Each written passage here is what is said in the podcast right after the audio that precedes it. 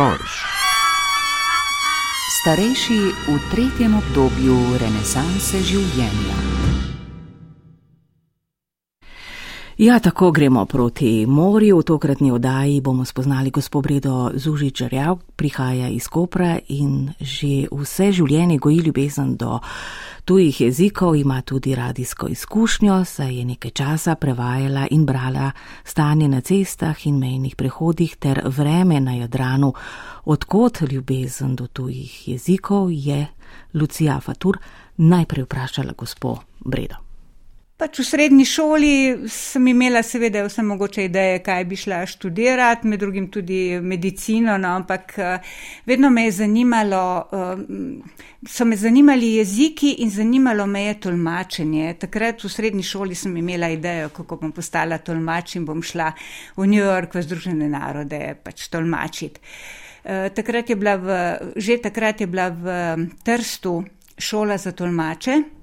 Ampak te diplome takrat v Jugoslaviji niso bile, uh, pač, niso bile priznane, niso mogle biti nostrificirane, no in zato smo se doma malo pogovorili in sem uh, šla študirati jezike v Ljubljano na filozofsko fakulteto.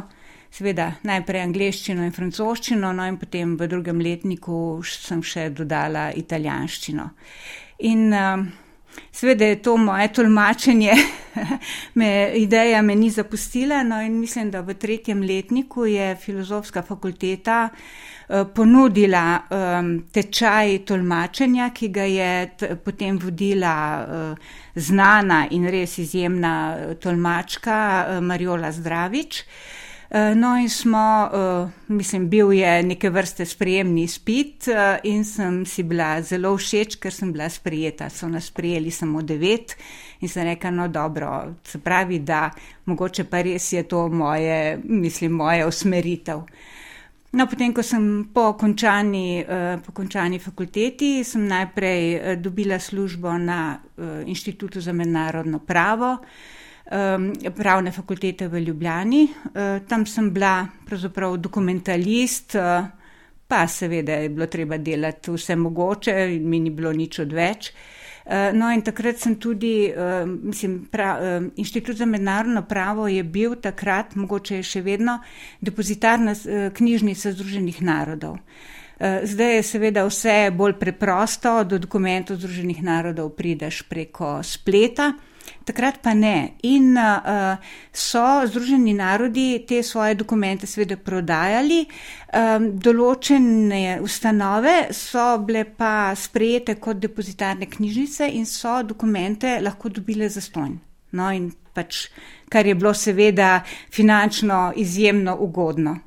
Uh, in uh, takrat sem tudi potem. Uh, naredila uh, ta strokovni spit za bibliotekarja, No, potem uh, sem, pa, um, sem se pač odločila, da mogoče bi vseeno uh, se posvetila res samo prevajanju, ampak jaz sem vse življenje sem prevajala strokovna, tehnična besedila, pravna besedila. No, in uh, takrat je. Slovenija cesta tehnike, to gradno, gradbeno podjetje, ki je veliko delalo v tujini, so je iskalo prevajalce in sem se prijavila in potem eh, šla najprej za eno leto v Alžirijo, pač eh, z gradbenim podjetjem eh, graditi oziroma obnavljati tam neko, neko letališko stezo. Ne, to je bilo seveda francoščina, tako da sem potem v štirih letih sem bila dve leti v Alžiriji. No, in po, po uh, koncu teh projektov uh, sem se zaposlila pri SCT-ju in tam seveda naprej prevajala, kar je bilo treba. No, potem po SCT-ju uh, sem bila uh, nekaj časa, šest let sem bila samostojna prevajalka. Um, potem, potem je bilo pa že, um, so bila že 90-ta leta. Eh, in takrat je eh, Slovenija, mislim, seveda že samostojna Slovenija, je zaprosila za vstop v Evropsko unijo.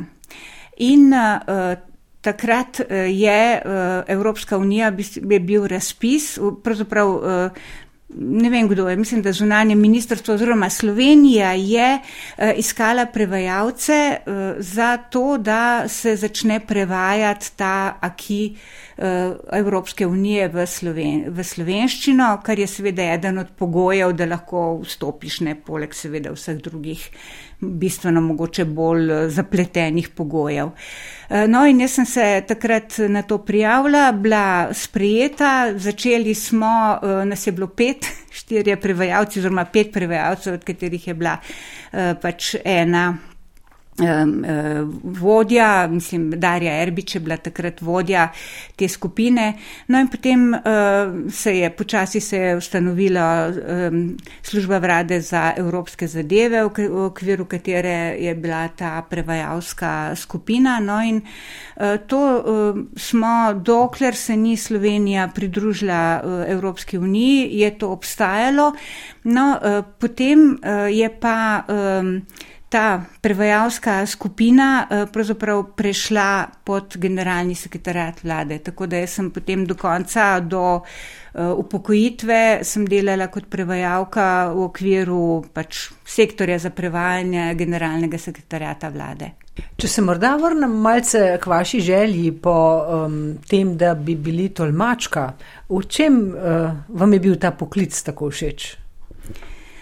Ma, mogoče. Um, To je tako, ne, ko, ko gledaš po televiziji, vidiš eh, ne, eh, te tolmačke v teh kabinah s slušalkami. Mogoče je, to, mogoče je bila na začetku je bila to ena taka romantična predstava. Potem, ko to začneš delati, vidiš, da je to, mislim, precej zapleteno, težko delo, eh, eh, ne, ki, ga, ki ga seveda lahko upravljaš samo nekaj časa, ker potem pač enostavno ne zmoreš več. Eh, Naprimer, ko je Slovenija prvič predsedovala svetu Evropske unije leta 2008, smo se seveda na to že eno leto prej pripravljali, tudi pač v našem našem sektorju in eh, je, um, smo imeli tudi izobraževanje. In jaz sem takrat bila prepričana, da bom lahko še tudi tolmačila. Imela sem, smo imeli to izobraževanje, eh, pač eh, simultano tolmačenje, pa konsekutivno tolmačenje, pa šušotaže, vse to, kar bi pač kar je potem prišlo v poštev. In takrat sem jaz pri sebi ugotovila, da nisem več dovolj hitra ker uh, ne, da, da enostavno ne bo šlo in da se v to ne morem več podati. No, in, in od takrat naprej sem potem samo še pisno prevajala. Omenili ste um, simultano in še dve vrsti prevajanja. Ja, Dajte ja. nam malce to razložiti. No, simultano prevajanje je dejansko prevajanje v kabini. Ne? Ti um, imaš na, na glavi slušalke, uh, poslušaš, kaj govori govorec in uh, to pač direktno prevajaš, uh, ponovadi z zamikom enega stavka. Tako da ti poslušaš en stavek, medtem prevajaš prejšnjega.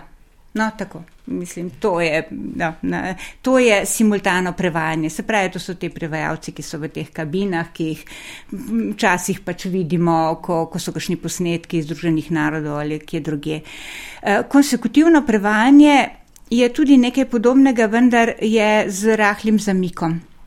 Konsekutivo to pomeni, da govorec eh, ponavadi pove nekaj stavkov, včasih enega, včasih žal tudi deset, ker ni mogoče na to pripravljen. Eh, ti si beležiš, to so tudi pač nek eh, sistem, se ga naučiš. Eh, ne obstaja nek enoten sistem za beleženje tega, ampak um, vsak prevajalec pravzaprav si potem najde svoj način, kako, kako se to beleži. No in potem uh, uh, pač, uh, ko, ko se um, uh, govorec ustavi, ti poveš, kaj je predtem povedal. Uh, tudi to se vidi, recimo, vidiš, uh, stoji poleg govorca nek prevajalec, ki ima ali pa prevajalka, ki ima v roki blok ne, in piše in, in potem obrača tiste liste in pove točno to, kar je, kar je ta povedal. Šušotaža je pa spet, to pomeni šepetanje, ne? to je pa spet uh, uh, tretji način, ki je neke vrste tudi simultano prevajanje. Ti uh, sediš poleg uh, človeka uh, ne? in mu uh, šepetaš v uho. To je to. Ne? To so recimo te tri vrste, uh, mislim, tega, to, to vrstnega prevajanja, ki, za katerega pač moraš biti bolj mlad. Ali ste se prej uh, vedno pripravili recimo na temo, o kateri bo govora in katero boste morali prevajati? Ja, seveda, seveda. Mislim, uh, To je, to je seveda obvezno uh, in uh, se, uh, mislim, na, na temo, ki jo prevajaš, absolutno se moraš pripraviti. Jaz recimo, če si, če si le uspel dobiti od govorca uh, kakršne koli materijale, da prebereš, da veš, da si magari napišeš nekaj ključnih besed, da ti jih ne bo treba iskati v možganih, ampak jih imaš tam na listu pred seboj. Um, ja, ja, vedno najtežje je, uh, seveda, se zgodi, da moraš prevajati nekaj, o čemer ne veš nič in o čemer te niso, mislim, za kar te niso niti opozorili. Ne? To je seveda eh, najhujša stvar za prevajalca, ne? ker se ti lahko zgodi, da tudi, da enostavno ne razumeš, teme, ki, ki, o, o kateri človek govori. No? Ampak eh, mislim, da zdaj je pri tem prevajanju že toliko, kako bi rekel, mislim, toliko prakse, da tudi uh, ljudje, ki govorijo na konferencah, vejo, kako uh, recimo uh, pomagati prevajalcu, oziroma kje se ustavljati in tako ne. Recimo, kaj sem na teh velikih konferencah, pa tako ali tako se dobi ves material vnaprej. Ne. Tako da, magari tudi, če moraš simultano prevajati, imaš pred seboj besedilo. Ne? Besedilo in, in potem seveda gre vse skupaj hitreje in bolje. Se spomnite, kdaj je kakšne zadrege? Ma, pač, ja, vedno, vedno pride do, do zadreg. Zdaj, mislim, jaz sem že dolgo, ker nisem več, mislim, recimo, konsekutive uh, delala. Um, Vem pa, da so mi bili nekatere, mislim, pač eh, kakšna snov mi je bila težka. Vem, da enkrat uh, sem imela neko predavanje, mislim, prevajanje, kjer dejansko vnaprej mi niso uh, povedali, uh, zakaj gre in potem se je izkazalo, da bo kmetijstvo in uh, sem imela srečo, da sem potem lahko, um, ponavadi sem uh, pač prevajala v angleščino, ne, mislim tudi to, ne, prevajaš v tuj jezik. In potem uh, je bilo nekaj časa in sem jaz uh, s tem pač gospodom, ki je vodil to oziroma pač ne vem, ki je bil tam govorec, eh, da eh, se je lahko pogovorila, mi je povedal, o čem bo govor in tako, tako da sem jaz imela recimo deset minut časa, takrat še ni bilo ne mobijo, ne ničesar, ampak vsaj, da sem v, v, iz svojih možganov potegnila nekatere izraze ali pa tudi pogosto seveda ne letiš na ljudi, ki tudi znajo, recimo, če prevajaš angliščino, ki na svojem področju poznajo vse te izraze ne, in potem si to na hitrico napišeš in, in potem narediš dober vtis. je pa verjetno ne lažje prevajati v slovenščino. Ali ne? Ja, različno, različno. Mislim, eh, vedno je eh, vprašanje, ali obvladaš tisto področje ali ne. ne? In ali si se ga imel čas uh, dovolj pripraviti uh, ali, ali ne. No. Recimo, da lahko, lahko povem še tudi, enkrat so me prosili, je bilo uh, eno prevanje v, v francoščino, mislim, da je imela gospodarska zbornica je imela uh, pač nek, neko konferenco, nekaj takega. In takrat uh, je, mislim, sod, med sodelujoči je bil tudi predsednik, kaj je bil takrat v, v novem mestu, je bil Renone. Ja. In ta gospod je znal slovensko. Je bil francos, je znal slovensko in je bil strah in trepet vseh prevajalk francoščine. Ker je seveda nadzoroval, mislim, predvsem dol v, v novem mestu so imeli veliko prevajalsko skupino, no in v glavnem te prevajalke vem, da, mislim, ne da so se ga bale, ampak uh, vedele so, da on to nadzira. No, in uh, jaz sem pa bila takrat samostojna in so me pač poklicali uh, in sem imela srečo en dan prej uh, me je. Sem vprašala se nekaj, ampak mogoče ta predsednik gospodarske zbornice, a ima že pripravljen svoj, svoj govor, so rekli, ja, ja, jo, sem rekla, dajte mi ga poslati, ker so bili še faksi, so mi ga poslali in vem, da sem tukaj le čepela uh, in sem uspela, ne vem, v osmih urah sem si tisto uspela prevesti. In seveda, ko uh, je uh, on govoril, sem jaz imela bolj ali manj v francoščini in je šlo vse krasno in to. In potem sem slišala čez nekaj časa, ja, da je ta, ta pač direktor, ja, da, da me je pohvalil in sem si bila zelo všeč. Tako. Iz Kopra ste, tukaj pravite, ja. že vse življenje in ja. prele smo se pogovarjali, pravzaprav pa o tem, ne otroci tukaj se v šoli ja. seveda učijo tudi italijansko. Pa sva se malce o tem poučevanju italijanščine tukaj le pri vas pogovarjali. Ja, eh, tukaj v Kopru eh, je v okviru, mislim, na, na področju, kjer je bila včasih eh, cona B, je italijanščina obvezna in to v osnovni šoli in v srednji šoli. Um, tako da, um, in uh, žal pa imam jaz uh, s tem poučevanjem italijanščine tukaj uh, slabe izkušnje. No, jaz menim, da bi morali način poučevanja italijanščine malo osvežiti. Italijanščina se, uh, mogoče zdaj drugače, ampak ko je bil moj sin uh, v osnovni šoli, to je pred približno, ne vem, 15-20 leti, uh, se je poučevala kot jezik okolja, ampak že takrat ni bila več jezik okolja. Kaj to pomeni jezik okolja? Da ti poslušaš italijansko televizijo, da imaš mogoče doma nono, s katero govoriš italijansko, eh, da slišiš italijanščino na ulici. Tega v Kopru ni več ali pa je zelo, zelo malo. Eh, in jaz sem takrat uh, ugotovila, da mislim, moj sin enostavno v tretjem, četrtem razredu ne zna dovolj italijansko, oziroma da ne zna, da ga ne znajo naučiti, da ga ne znajo pritegniti.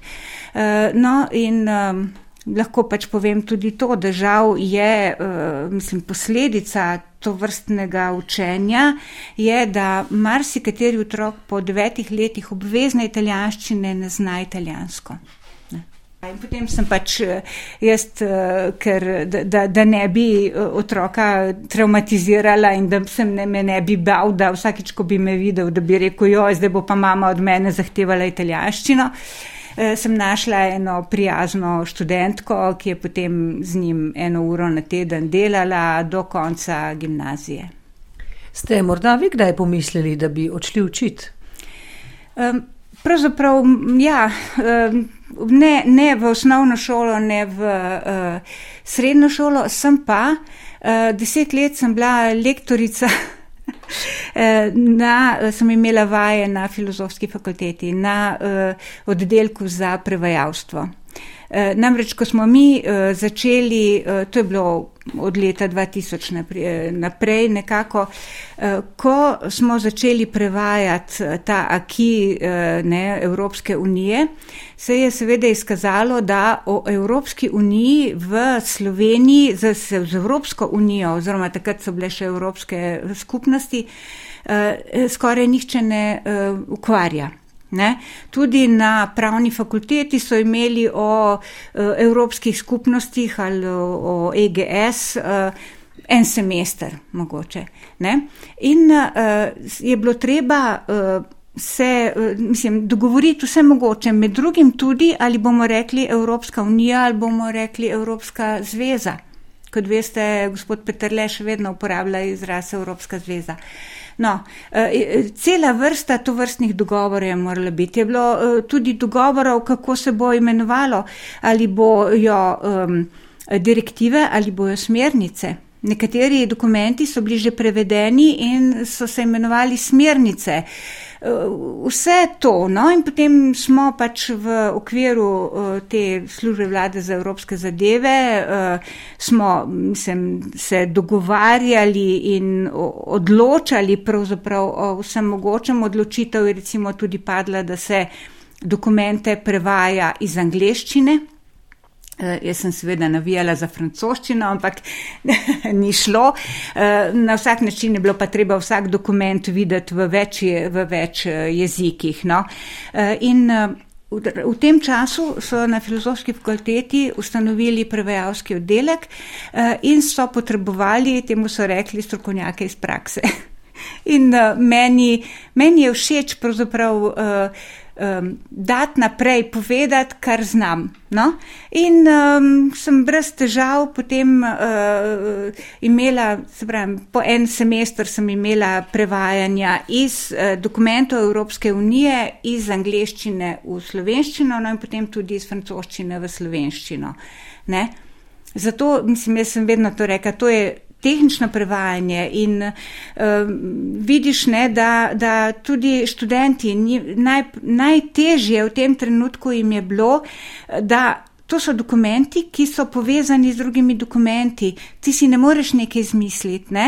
Če imaš ti direktivo in potem je uh, popravek, sprememba direktive ali ne vem kaj, to so dokumenti, ki so v sorodu med seboj in seveda je treba najprej um, razumeti, uh, kam pa še dokument, uh, s katerimi drugimi dokumenti je povezan. In pa uh, vedno na začetku sem imela vsaj štiri ure enega uvoda, kaj je to sploh sploh Evropska unija? Kako je do tega prišlo? Zakaj v nekaterih dokumentih piše Evropska unija, zakaj v drugih piše Evropska skupnost, zakaj v nekaterih so Evropske skupnosti in da je treba to zelo natančno vedno uporabiti eh, in tako dalje. No, tako da eh, to sem, to sem izredno rada delala. Eh, žal pa je potem, ko je bil uveden bolonski sistem, so te moje vadle, vaje padle v četrti letnik. To je pa že magisterij in eh, seveda zato so pa potem potrebovali doktorat in tako dalje in uh, pa, mislim, potem nisem več tega učila. Ampak se mislim, da v desetih letih sem že kar, mislim, naučila nekaj no teh generacij. Tako pripovedujete, gospa Breda, kot da še niste v pokoju. Ste težko odšli v pokoj, ste to naredili naenkrat, kako je bilo? Um, ja, jaz sem zdaj v pokoju uh, eno leto in pol, 42 let uh, sem pač im, imam delovne dobe. Uh, jaz sem se na pokoj kar nekaj časa pripravljala, zaradi tega, ker sem celo življenje sem nekaj delala in uh, me je bilo malo strah, kaj, kaj bo pa potem.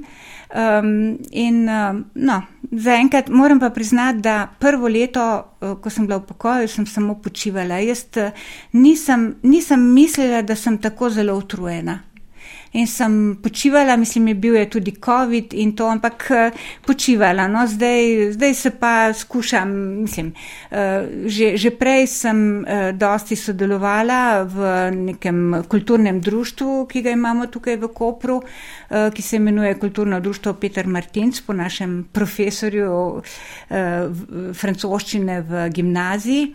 No in pač tukaj se zdaj, zdaj sem uradno tajnik tega društva in se pač precej, uh, precej uh, angažiram. Uh, imamo spletno stran, ki jo tudi pač polnim jaz v slovenščini in v francoščini. In tako, no, tako da se, se kar, mislim, se angažiram. No, bili pa ste na začetku meseca na prevajalski delavnici leposlovja, um, kot najstarejša udeleženka. uh, to je pa verjetno za vas nekaj. Uh, drugega, leposlovje ne, vendar le drugače. Ja, ja, seveda, leposlovje, kot sem že omenila, jaz sem vse življenje sem prevajala strokovna, pravna in taka besedila. No, in uh, zdaj, ko sem v pokoju, imam čas uh, in se nekaj, da bom, da bom šla pač v to uh, prevajalnico uh, za prevajanje literature. Sej mislim, da ne bom nikoli prevajala literature, ampak je vseeno je dobro. Ja, res sem najstarejša udeleženka, večinoma so to mlade, mladi, mlada dekleta, nekatera, ki še niso niti končala študija. Ampak mislim, da je dobro pač iz, iz, mislim, da, da človek tudi mogoče, da, da naveže neke druge stike, da delaš nekaj drugega. Ne? Um, jaz recimo tudi me prosijo večkrat, da um, pregledam kakšen prevod ali pa da zlektoriram kakšno zadevo in mi seveda tako izobraževanje absolutno koristi. Pravite, zdaj začenjate tako rekoč pokoj. Um, Mogoče se še malo iščem.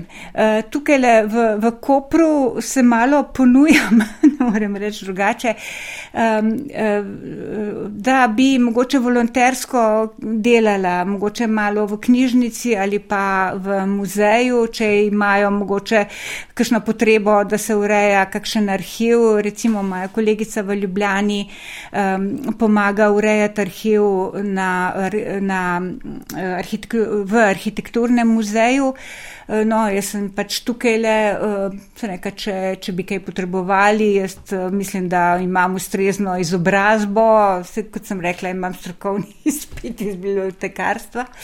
No, in ena, ena stvar, ki mogoče se bo realizirala namreč v Kopru, v Koprski knjižnici, je v domoznanskem oddelku je en ogromen fond, ki je ostal v celoti uh, enega uh, koperskega plemiča, uh, to je fond družine Grizoni.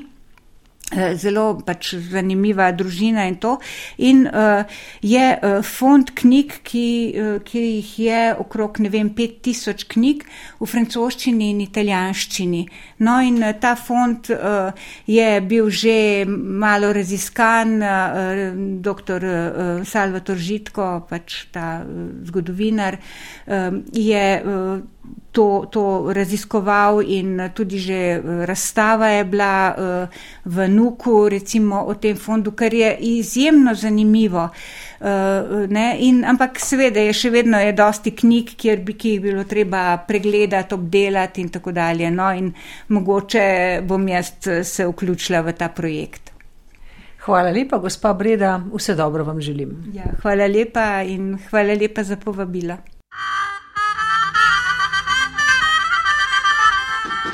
Storch.